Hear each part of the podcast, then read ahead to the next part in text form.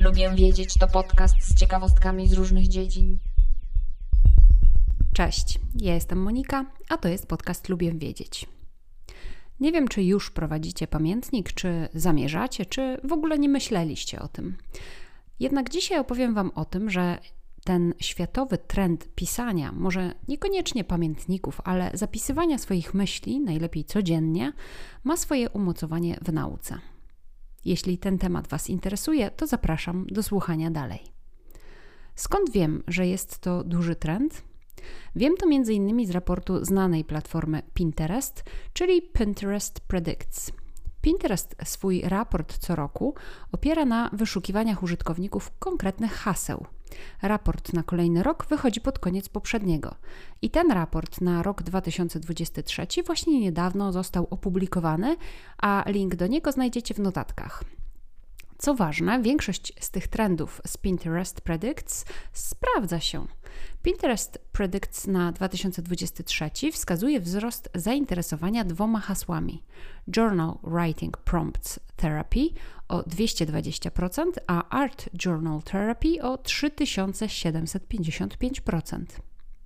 Poza tym na różnego rodzaju platformach, również tych poważnych i opiniotwórczych typu New York Times, już od kilku lat pojawiają się artykuły na temat prowadzenia dziennika czy różnego rodzaju zapisków, które mają mieć dobroczynny wpływ na zdrowie psychiczne. Prowadzenie dziennika jest coraz powszechniejszym, niefarmakologicznym narzędziem w leczeniu chorób psychicznych. Jednak zastanawiałam się, czy to po prostu jest jakaś taka pseudonauka, czy są jakiekolwiek naukowe przesłanki do stosowania tej metody. Zgłębiłam ten temat i oto wyniki moich poszukiwań. Okazuje się, że przeprowadzono takie badania naukowe, które wykazały, że prowadzenie dziennika może zmniejszyć stres i zmniejszyć objawy depresji, generalnie polepszyć nasz dobrostan psychiczny. Pierwsze wyniki badań na temat wpływu pisania o swoich negatywnych emocjach, różnych stresujących wydarzeniach na zdrowie psychiczne zostały opublikowane już w 1986 roku. W tym badaniu studenci pisali przez 15 minut przez 4 kolejne dni o najbardziej traumatycznych lub niepokojących doświadczeniach w swoim życiu podczas gdy grupa kontrolna pisała o tematach dość przyziemnych, takich jak opisanie ich otoczenia czy ubioru.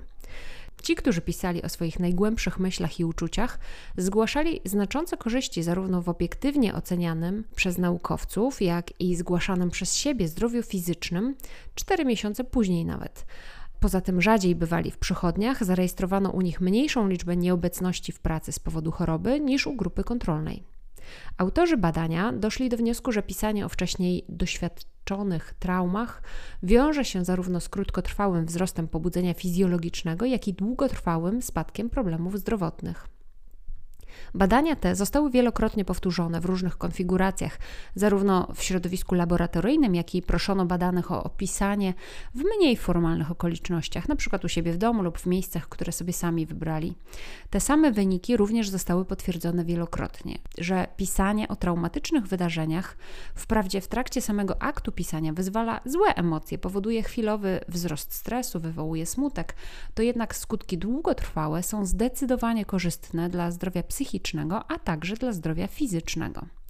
Jakie dokładnie skutki zaobserwowano w porównaniu z grupą kontrolną?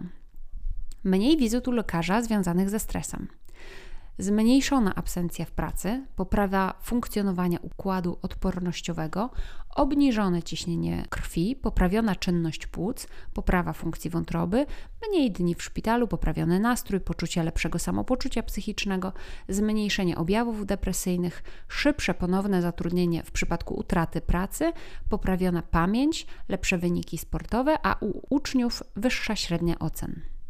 Z kolei w badaniu z 2006 roku wykazano, że pisanie dziennika może być równie skuteczne jak terapia poznawczo-behawioralna, jeśli chodzi o zmniejszenie ryzyka depresji. Wyniki wskazały na to, że pisanie dziennika może zmniejszyć częstotliwość natrętnych depresyjnych myśli u osób podatnych na depresję oraz zmniejszyć ogólny poziom depresji u osób, u których zdiagnozowano duże zaburzenie depresyjne. Było to badanie, w którym młodzi ludzie w wieku 18 lat z objawami depresji zostali losowo przydzieleni do różnych grup. Jedna grupa została poddana tradycyjnej terapii poznawczo-behawioralnej, inna grupowej interwencji, takiej wspierająco-ekspresyjnej, jeszcze inna biblioterapii, a kolejna prowadziła dzienniki. Natomiast kolejna jeszcze taka grupa kontrolna trafiła na listę oczekujących na leczenie. Oceny poziomu zaburzeń depresyjnych przeprowadzono na początku badania, po jego zakończeniu, zaraz po jego zakończeniu oraz po miesiącu, a także sześciu miesiącach. Wszystkie pięć aktywnych interwencji wykazało znacznie zmniejszenie objawów depresyjnych po zakończeniu w porównaniu z grupą kontrolną na liście oczekujących. Wyniki sugerują, że może istnieć wiele sposobów na zmniejszenie objawów depresyjnych, chociaż może to też wynikać z okazania zainteresowania chorującym. W 2022 roku, w marcu, opublikowano badanie, którego podstawowym wnioskiem jest to, że potrzebne są dalsze badania nad wpływem prowadzenia dziennika na dobrostan psychiczny.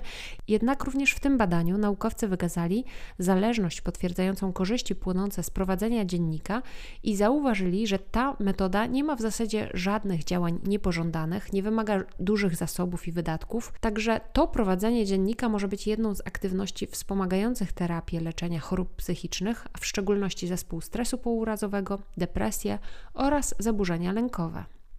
Dokładny mechanizm, dzięki któremu to ekspresyjne pisanie wpływa korzystnie na zdrowie, jest nadal niejasny, ale istnieje wiele potencjalnych wyjaśnień. Na przykład naukowcy sugerują, że pisanie o traumatycznych wydarzeniach i negatywnych emocjach pozwala nam skonfrontować się z wcześniej hamowanymi emocjami. To z kolei może zmniejszać stres fizjologiczny, który wynika z blokowania emocji, z powstrzymywania ich i kumulowania ich w sobie. Jeśli tak, to prawdopodobnie nie jest to jedyny mechanizm, który stoi za tymi pozytywnymi wynikami pisania ekspresyjnego. Może też mieć w tym swój udział zjawisko zwane przez naukowców przetwarzaniem poznawczym. Prawdopodobnie spójna narracja podczas pisania pomaga zreorganizować i uporządkować traumatyczne wspomnienia, to pozwala nam na pogodzenie się z nimi. Z kolei także pisanie o złych emocjach wystawia nas ponownie na te złe emocje. Następuje tak zwana powtórna ekspozycja, a to może prowadzić do wygaśnięcia negatywnych reakcji na pewne traumatyczne wspomnienia. No i jest jeszcze czwarta hipoteza, która ma wprawdzie najmniej poparcia wśród naukowców tak zwanego emocjonalnego katarzis, czyli że podczas pisania następuje wyładowanie negatywnych uczuć. Pisanie wyłącznie o emocjach związanych z traumą nie jest tak korzystne jak pisanie zarówno o wydarzeniu, jak i o emocjach, dlatego tak się mówi, że raczej to emocjonalne katarzis nie ma takiego dużego wpływu. Ta teoria wyładowania złych uczuć nie ma takiej naukowej akceptacji jak poprzednie hipotezy, ponieważ podczas pisania następuje początkowo zwiększenie negatywnych emocji, a nie natychmiastowe złagodzenie napięcia emocjonalnego. Ponadto takie korzyści zdrowotne, które są zauważane w takiej długotrwałej obserwacji, nie mają absolutnie żadnego związku z ilością negatywnych emocji wykazywanych podczas pisania. Tak czy inaczej, okazuje się, że warto pisać. Natomiast jakie są sposoby na taką autoterapię? Tak naprawdę to każdy z Was, każdy z nas może sobie sam określić, o czym chce pisać, jak chce pisać, kiedy i gdzie. E, możecie sobie na przykład wyznaczyć konkretny czas w ciągu dnia, kiedy będziecie mieć 10-15 minut, a może nawet więcej na pisanie, o czym Wam przyjdzie do głowy. Możecie zawsze i wszędzie mieć ze sobą notes i długopis. Kiedy tylko będziecie mieć ochotę coś zapisać, wtedy będziecie mogli to zrobić, bo będziecie mieć narzędzia możecie tylko pisać albo prowadzić taki artystyczny notes z rysunkami, różnego rodzaju kolażami lub wycinankami. Tutaj Pinterest Wam na pewno podpowie coś ciekawego. Tak czy inaczej zachęcam, bo jak naukowcy wskazali, wyniki są obiecujące, a skutków ubocznych prawie wcale nie ma. Z kolei próg wejścia, czyli koszty i umiejętności potrzebne do zaczęcia pisania, czyli ten próg wejścia właśnie jest niski. Dlatego miłego pisania.